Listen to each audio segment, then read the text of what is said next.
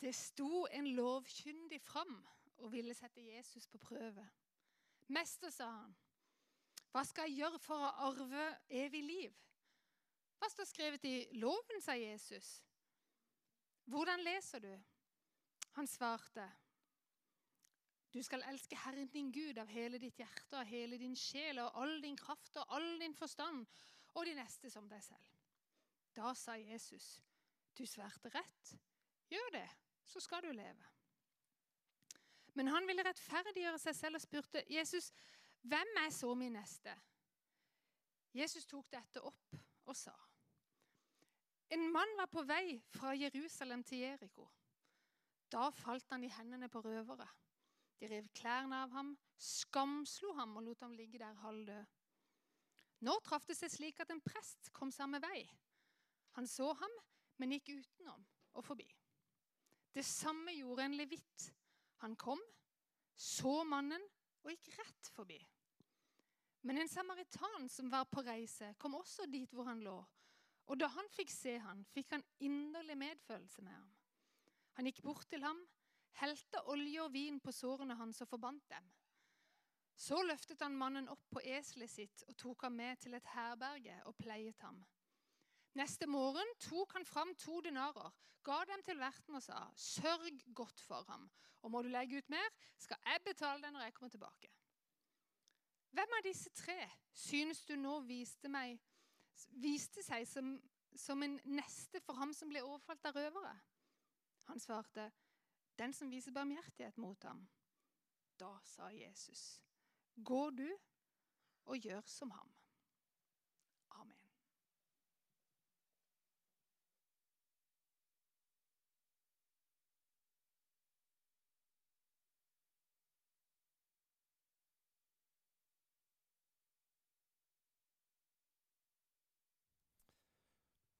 Tusen takk, Anne Mai. Skal vi se Du lovte å hjelpe, og så, og så gikk du.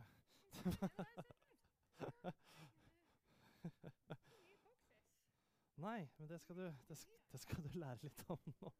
Nei. Uff. Nei, det var flåst. Unnskyld. Um, yes. Ja, jeg kan trykke et par hakk videre, så jeg start. Eller jeg har en sånn en Altså, Dere må bare nyte dette at jeg taler i dress. Det er ikke så ofte jeg gjør det. Men jeg ser dritbra ut. jeg må si det. Jeg syns ikke det har vært nok folk som har sagt at jeg ser fin ut. Jeg har kjøpt ny dress. Eh, også, Den er, den er, den er bare brukt ut én gang. Fordi at eh, vi hadde konfirmasjonsgudstjenester på tre, tre liksom, stykk på rappen på en lørdag for en, en snau måned siden. Og mellom eh, gudstjeneste to og tre så var jeg på do. Og da så jeg klart og tydelig at uh, nå trenger jeg en ny dress. For der var det et svært hull i rumpa.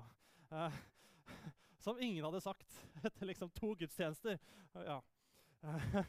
så da var det ikke jeg som måtte ja, knele og bli bedt for. Men nok om det. Jeg ser bra ut. Takk for det. Forrige søndag så, så startet vi taleserien Følg meg. Følg meg. Og I denne taleserien her, fem deler, så skal vi ta for oss de fem verdiene som denne kirken har. Og de fem verdiene det er rotfestet, raus, relevant, rocka og relasjonell. De fem r-ene.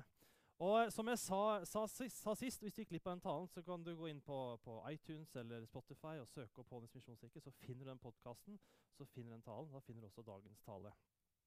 Um, men en fallgruve med å ha sånne verdier sa jeg sist, er at uh, de kan liksom bli snakket fint om og skrevet fint om, og så legges de i en skuff, og så glemmes de.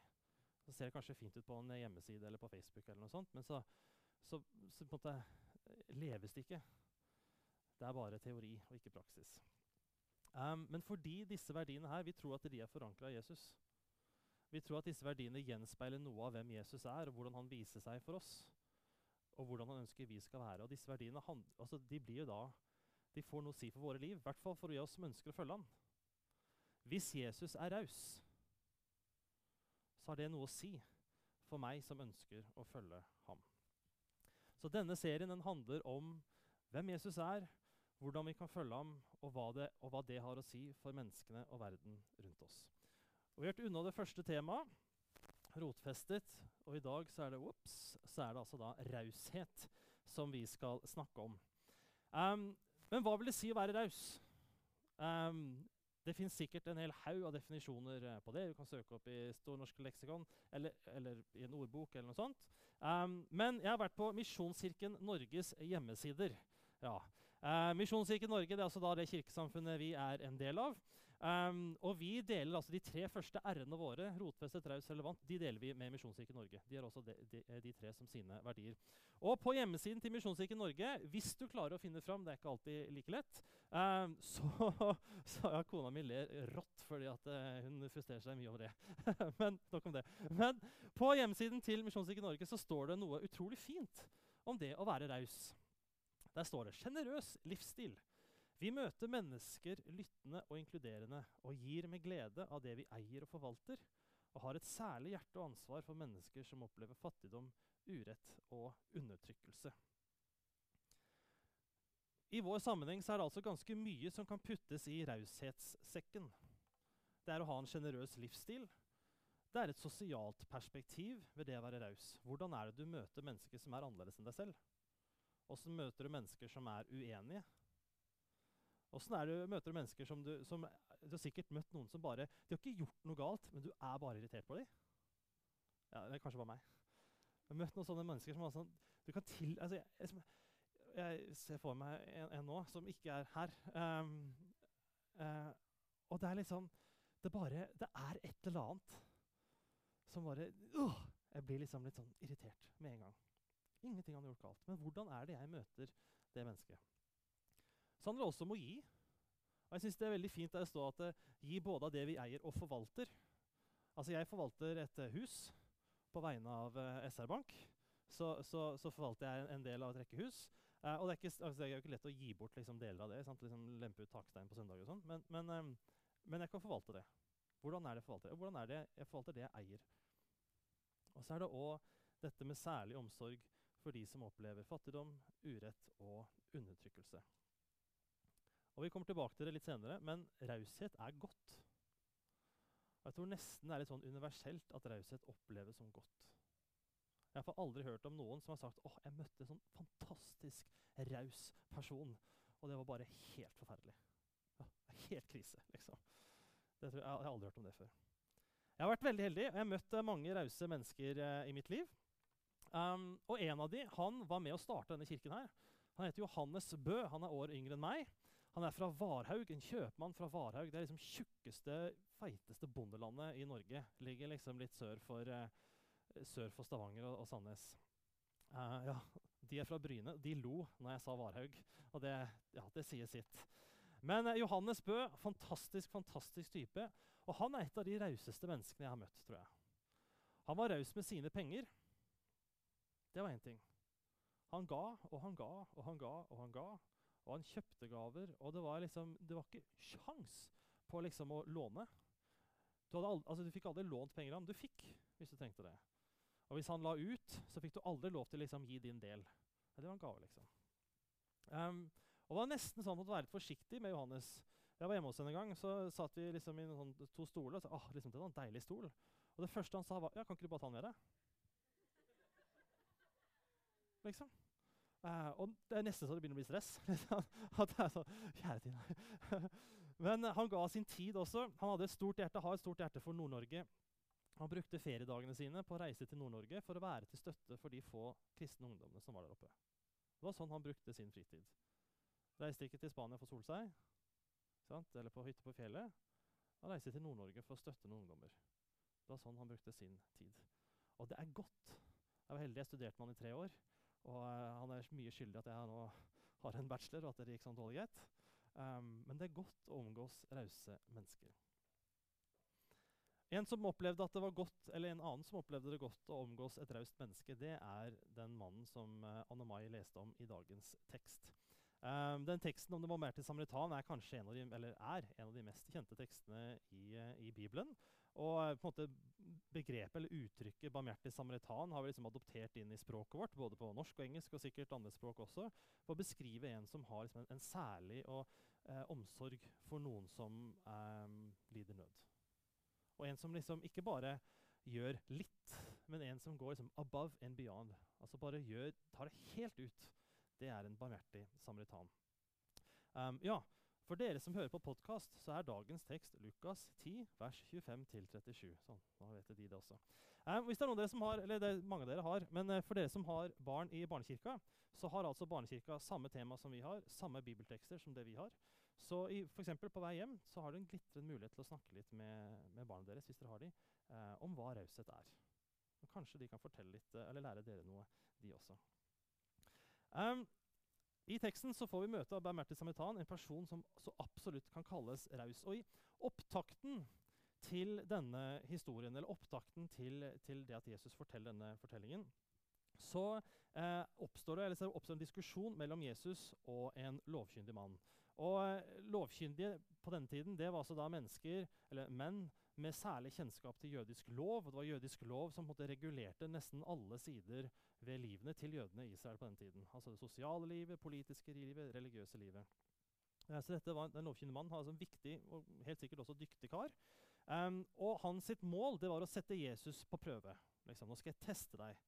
Det du underviser Jesus, stemmer det overens med det vi tror? Liksom? Stemmer det overens med den jødiske loven, med de tekstene vi har? Og det høres, eller det er nok mer alvorlig enn det høres ut. Det er liksom ikke bare en sånn uh, popquiz, en liten test, og se liksom, er du god eller er du dårlig. Men eh, hvis Jesus stryker på den testen, så kan han anklages for vranglære, som var noe man kunne straffes med inntil døden. Så måtte, Det er ikke liksom ingenting, den vekslingen som oppstår her. Og I løpet av utvekslingen mellom den lovkyndige og Jesus så, så får vi liksom vite at denne karen, han lovkyndige, han er ute etter hva er det rette svaret på spørsmålet han stiller. Og Spørsmålet hans er hva skal til for å få evig liv? Eller kanskje sagt i Norge i dag hva må jeg gjøre for å komme til himmelen? Eller åssen skal jeg komme meg til himmelen? Og så er han ute etter hva er det rette svaret. Liksom. Hva er det som er rett teori? Og Jesus han svarer godt for seg. Han eh, snur det til og med, så spør han ja, men hva står i Skriften. liksom? Kan du Skriften din? Kan du loven? Du som står her og stiller spørsmål til meg. Og så går det litt sånn fram og tilbake. Og så ender det opp med at Jesus sier, Jesus sier vet du hva, du har helt rett når du svarer at for å få evig liv så må man elske Herren din Gud da, hele, hele, min sjel, hele mitt hjerte, all min forstand, alt jeg har, og min neste som meg selv. Du har helt rett i det. Gå nå og gjør det. det helt, altså, du har helt rett. Du har helt rett teori. Men så viser det at du trenger også rett praksis. Skal du være barmhjertig, skal du være raus, så holder det ikke bare å liksom kunne det. Eller tenke det, eller føle det, om det måtte være sånn. Men det er også, altså, raushet er noe som gjøres. Det er mer enn gode og rette svar. Raushet er også praksis. Um, og så ender samtalen da Ja, teori og praksis.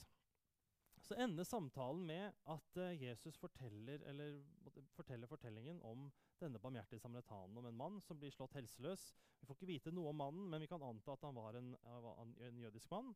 Han blir uh, slått helseløs på veien, um, blir ranet, de tar klærne fra han, alt fra han, og han ligger altså, da i veikanten og er halvdød. Og Så kommer en prest forbi, og han går forbi. Stopper ikke opp, tar seg ikke tid, han går rett forbi. Og så kommer en levitt, altså en kirketjener eller en tempeltjener. Uh, han kommer også, ser hva som skjer, eller ser hva som skjedde, skjedd, og så går også forbi. Og Til slutt så kommer en, en samaritan. Om det er noen som skulle gått forbi, så er det han. Samaritanen, han, uh, samaritanen og jøden hadde ganske sånn anspente forhold. De tilhørte ulike folkegrupper, ulike religiøse fellesskap. Eh, presten og levitten var på en måte tross alt en av den skamslåttes egne. Men samaritanen han stopper opp, og så viser han en enorm raushet. For han tar seg tid. Han skulle sannsynligvis en plass. Og så sånn at her er det noen som trenger hjelp. Da får det jeg skal senere, det får vente. Og i vår tid så er jo nesten tid blitt hellig, liksom. Og jeg har eh, Jeg kan kjenne mitt eget liv liksom at jeg har gått forbi tiggere, f.eks. Og tenkt jeg har ikke tid nå. Hadde jeg bare hatt tid, liksom, så kunne jeg godt stoppa. Men det har jeg ikke nå. Men samaritan han utsetter det han skulle. Han bruker tiden sin. Han bruker ressursene han har. Han har med seg altså, olje og vin og bandasjer. Det var på en måte dagens uh, førstehjelpsskrin. Uh, og det bruker han. Bruker det han har, steller han så godt han kan, gir plassen sitt på eselet til denne stakkars mannen. Tar han med sitt herberge, og så blir han der sammen natten over på å passe på at alt går greit.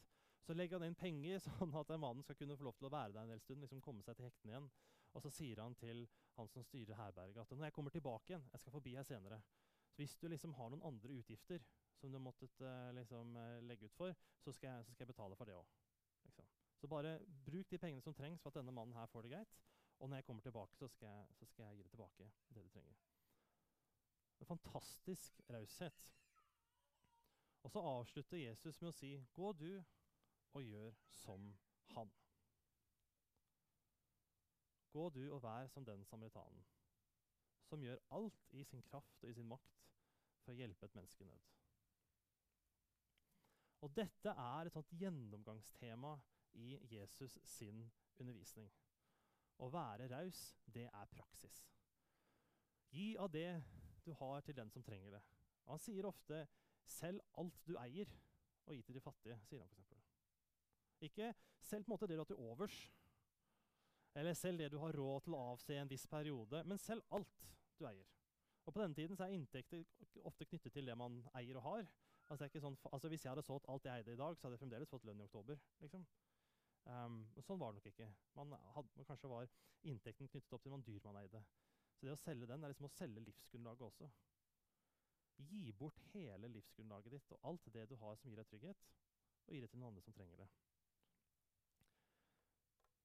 Gi til alle som ber deg om noe, sier også Jesus. Hvis noen spør om å låne deg, låne noe av deg, så gi det til dem og ikke forvente å få det tilbake igjen. For eksempel. altså når Jesus snakker om raushet, så går han utrolig langt.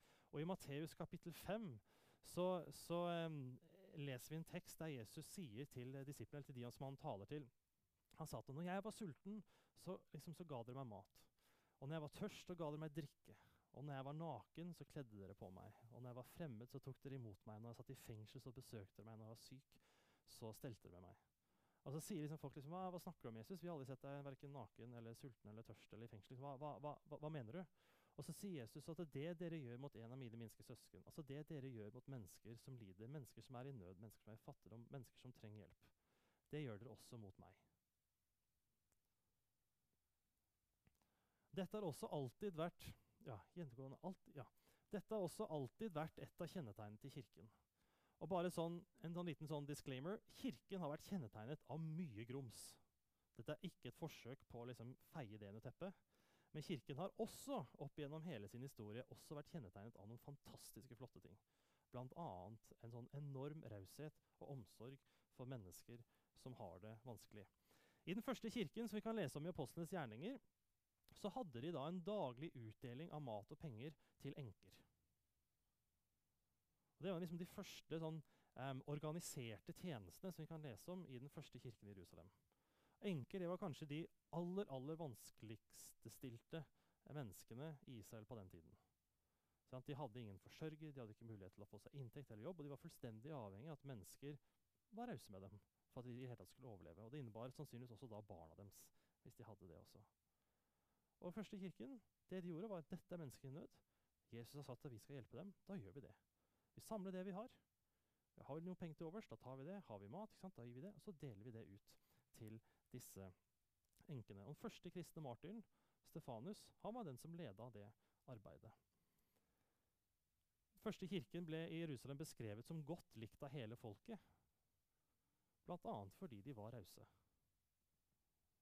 De, var ikke, de, de satt ja, jeg må si det, altså Paradokset, da, eller det ironiske med å holde en preken om praksis, er at det er frykt, fryktelig teoretisk. Så, ja, så bare ha det litt i bakhodet. Men, så den første kirken gjorde ikke, det, gjorde ikke, bare det jeg gjør nå, og snakket fryktelig mye, mye teori om en praksis. Men de gikk også ut og gjorde godt, og de var rause. Og Dette også preget Kirken altså ikke bare helt til å begynne med, men gjennom hele kirkehistorien. Altså, eh, Kirken har startet masse, masse sykehus, f.eks. Leser om liksom, ulike pandemier. Det er jo litt inn for tiden. da. Leser om liksom, ulike pandemi, pandemier som er herjet rundt forbi. Hvem er, som, hvem er, det som, steller med de syke? Når spanskesyken kom, og når svartedøden kom Ofte nonner, munker, prester. Så var de som stelte med dem. Og hva skjedde med de? Jo, mange av dem ble også syke og døde. Men det var deres oppdrag. Sykepleierutdanningen i Norge for eksempel, ble startet av en som heter Katinka Gullberg. Hun var diakon, eller diakonisse, som det het på den tiden. da. Og Kirken har liksom alltid hatt systemer for å hjelpe mennesker i nød. Kirkens Nødhjelp, eksempel, som, kan lese om, eller som finnes fremdeles i dag. Og dypest sett så handler det å være raus det handler om å virkeliggjøre Guds kjærlighet i verden. Det er liksom oppdraget til Kirkens Nødhjelp. Vi skal virkeliggjøre Guds kjærlighet i verden. Det er konkret, det er virkelig, det er håndfast. Det er ikke på en måte Ja, nå skal vi dele ut flyers, liksom. Og si hva raushet er. Det er å dele ut mat og penger. Det er å dele ut klær. Det er å gi av sin tid, være til stede.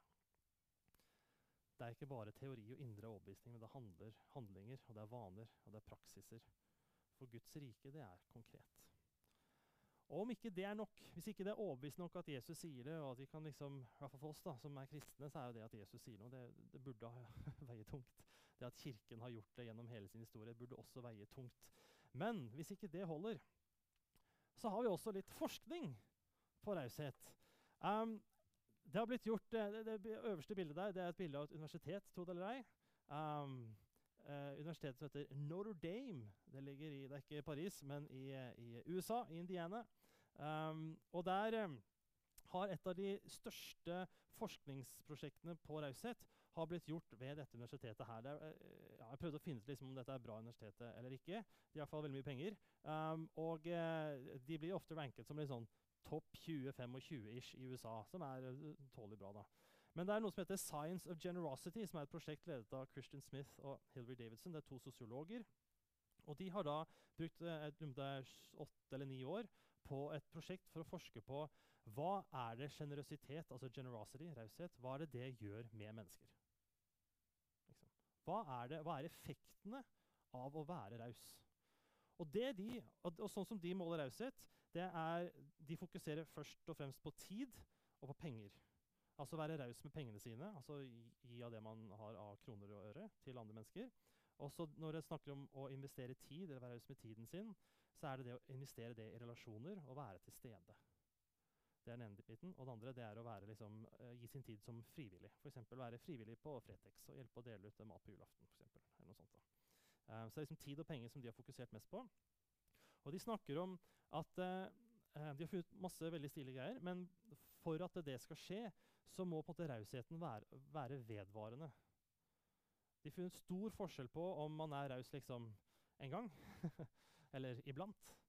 Og på det å være, altså være raus vedvarende, ha det som en del av sitt liv, at man er raus. Og har man det som en livsstil, så blir du lykkeligere, har de funnet ut av. Det utløser endorfiner i hjernen, visstnok, som er bra, har jeg hørt. Nei, men blir, man blir lykkelig. Mennesker som ga De har målt da de har hatt. Jeg syns dette er kjempespennende. det er ikke sikkert jeg synes det er litt interessant, men De har da målt en rekke mennesker, gitt dem en sum penger over gitt tid, og så sagt til noen at dere skal bruke på det selv, og til andre liksom bruk det på andre. Står fått fritt til akkurat hvordan de skal bruke de. Og Menneskene som brukte pengene på andre, de oppga at, eller på en måte resultatet av undersøkelsen var at de oppga at de var mye lykkeligere enn de som brukte pengene på seg selv. Altså, altså man ble, fikk det bedre av å gi det vekk til andre enn å beholde det selv. For det andre så fant de fram til at uh, det å være raus det bidrar til sterkere sosiale relasjoner. Mennesker som var rause, oppga f.eks. at de hadde veldig mange Eller mennesker rundt mennesker som var rause, oppga at de var mye mer villige til å hjelpe dem med praktiske ting. Det var eksempel sånn, Kjøre til flyplassen, passe unger, eh, lage middag hvis det var hektisk en, en uke, for eksempel, eller noe sånt. At mennesker som er rause, um, får sterkere sosiale relasjoner. Og det siste det en, var det en del sånn helsemessige grunner knyttet, eller helsemessige fordeler knyttet til å være raus. Det senker eh, blodtrykket, um, senker stressnivået. Og mennesker som levde rause, fant ut av, lider sjeldnere av bl.a. depresjon. Altså det finnes gode grunner til å være ja, ups, finnes gode grunner til å være raus. Jesus ber oss om å være det. Det virkelige Guds rike i verden. Og så er det godt for oss. Og så kommer det store spørsmålet. Hvor raust er raust nok? Hvor mye må jeg gi, liksom? Hvor mange timer må jeg bruke? Når, når, er, liksom, når er det godt nok? Eller når, når er jeg raus nok? Og Det var spørsmålet til den lovkyndige, til Jesus. Hva må jeg gjøre? Hva er liksom lista som jeg må komme over for å få et evig liv. Hvor raus må jeg være, Jesus, for å komme til himmelen? Og svaret på det spørsmålet er både noen dårlige nyheter og noen gode nyheter. For de dårlige nyhetene er at det er aldri nok.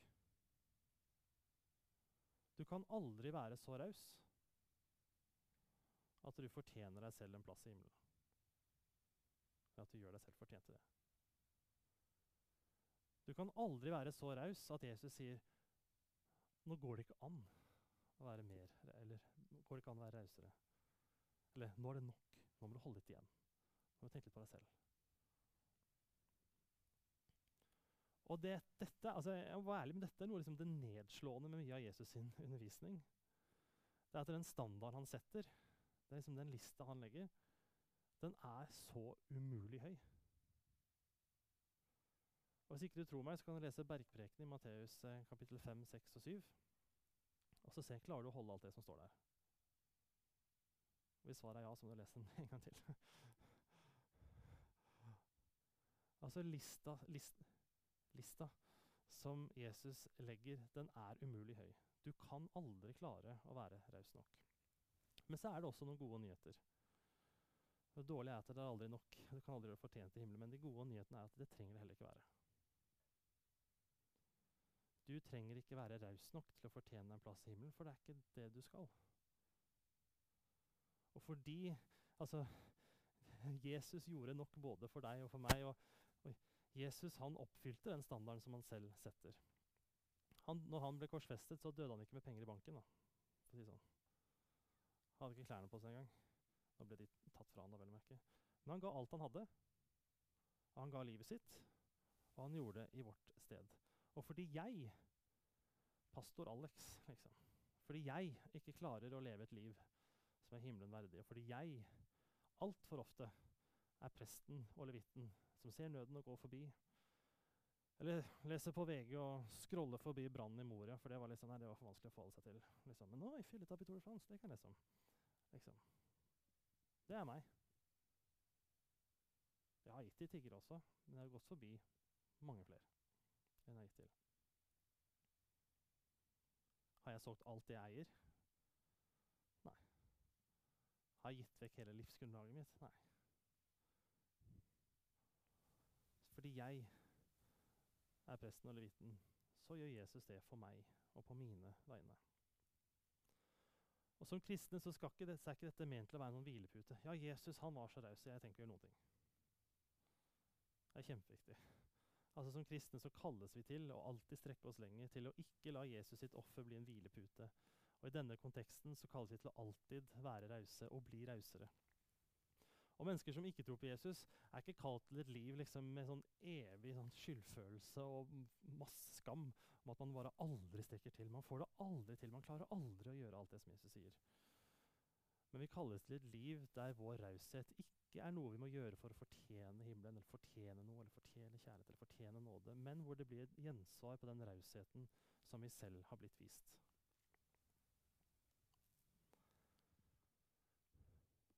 Så til avslutning så har jeg lyst til å avslutte med, med, med altså å parafra parafrasere Jesus.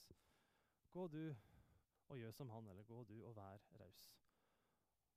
Og Oppfordringen min er til å ta imot den rausheten som Jesus gir deg, og som Jesus viser deg. Den er helt enorm. Og jeg vil utfordre deg til å liksom utforske den litt. Og gjør det ved liksom å se på okay, hva er det i meg som ikke strekker til. Hva er det i meg som ikke er godt nok? Hva er det i meg som ikke er godt i det hele tatt? Og så utfordrer jeg tenke på at det dekker også Jesus. Og så ikke bare, ikke bare stopp der. Ikke bare la det bli med teorien og de gode svarene og de rette svarene. Men gå og vær raus. La det være et gjensvar på det Jesus har gjort.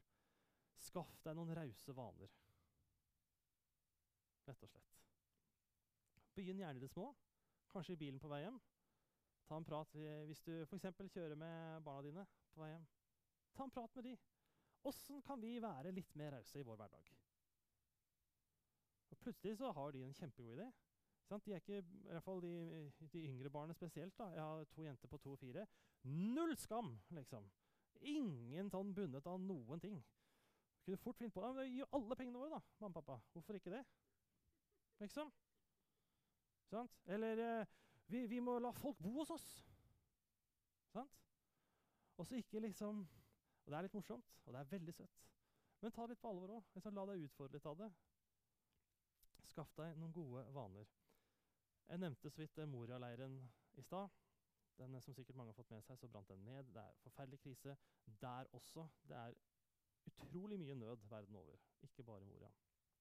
Men f.eks. bli fast giver til et sted, da. Sett opp en fast giveravtale. Si, vet du, de menneskene der de ønsker jeg å bidra med noen penger til. Sett opp et fast trekk i måneden, f.eks. Og før du vet ordet av det, så har noen mennesker fått et glimt av hvordan Guds rike er.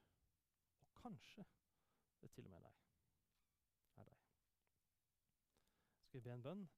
Og så skal vi få en, eh, en sang som de skal synge solo. Teksten kommer på veggen, så dere ser hva de, hva de synger.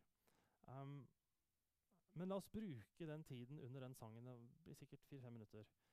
Um, altså Prøv å reflektere litt over liksom, hva har jeg blitt vist av raushet? Og hvordan kan det påvirke meg? Og hvordan kan det få et gjensvar i mitt liv? I helt praktiske, konkrete former. Da ber vi, og så får vi en sang. Kjære Jesus. Tusen takk for at du Du viser oss en helt enorm raushet når du ikke bare gir livet ditt for oss og dør på korset, men at du også gir avkall på det, på det, altså det perfekte fellesskapet som du hadde med, altså med Faderen og Den hellige ånd. At du forlot treenigheten og komme til jorden og bli som oss og være her nede. Kjenne på kroppen gleden og sorgene ved å være et menneske. Jeg kan ikke fatte åssen det måtte vært for deg når det, når det siste du roper, er Men Gud, men Gud, hvorfor har du forlatt meg? Men jeg takker deg for at det, det er nettopp det du har gitt oss. Og du ser her at det er ingen av oss som strekker til.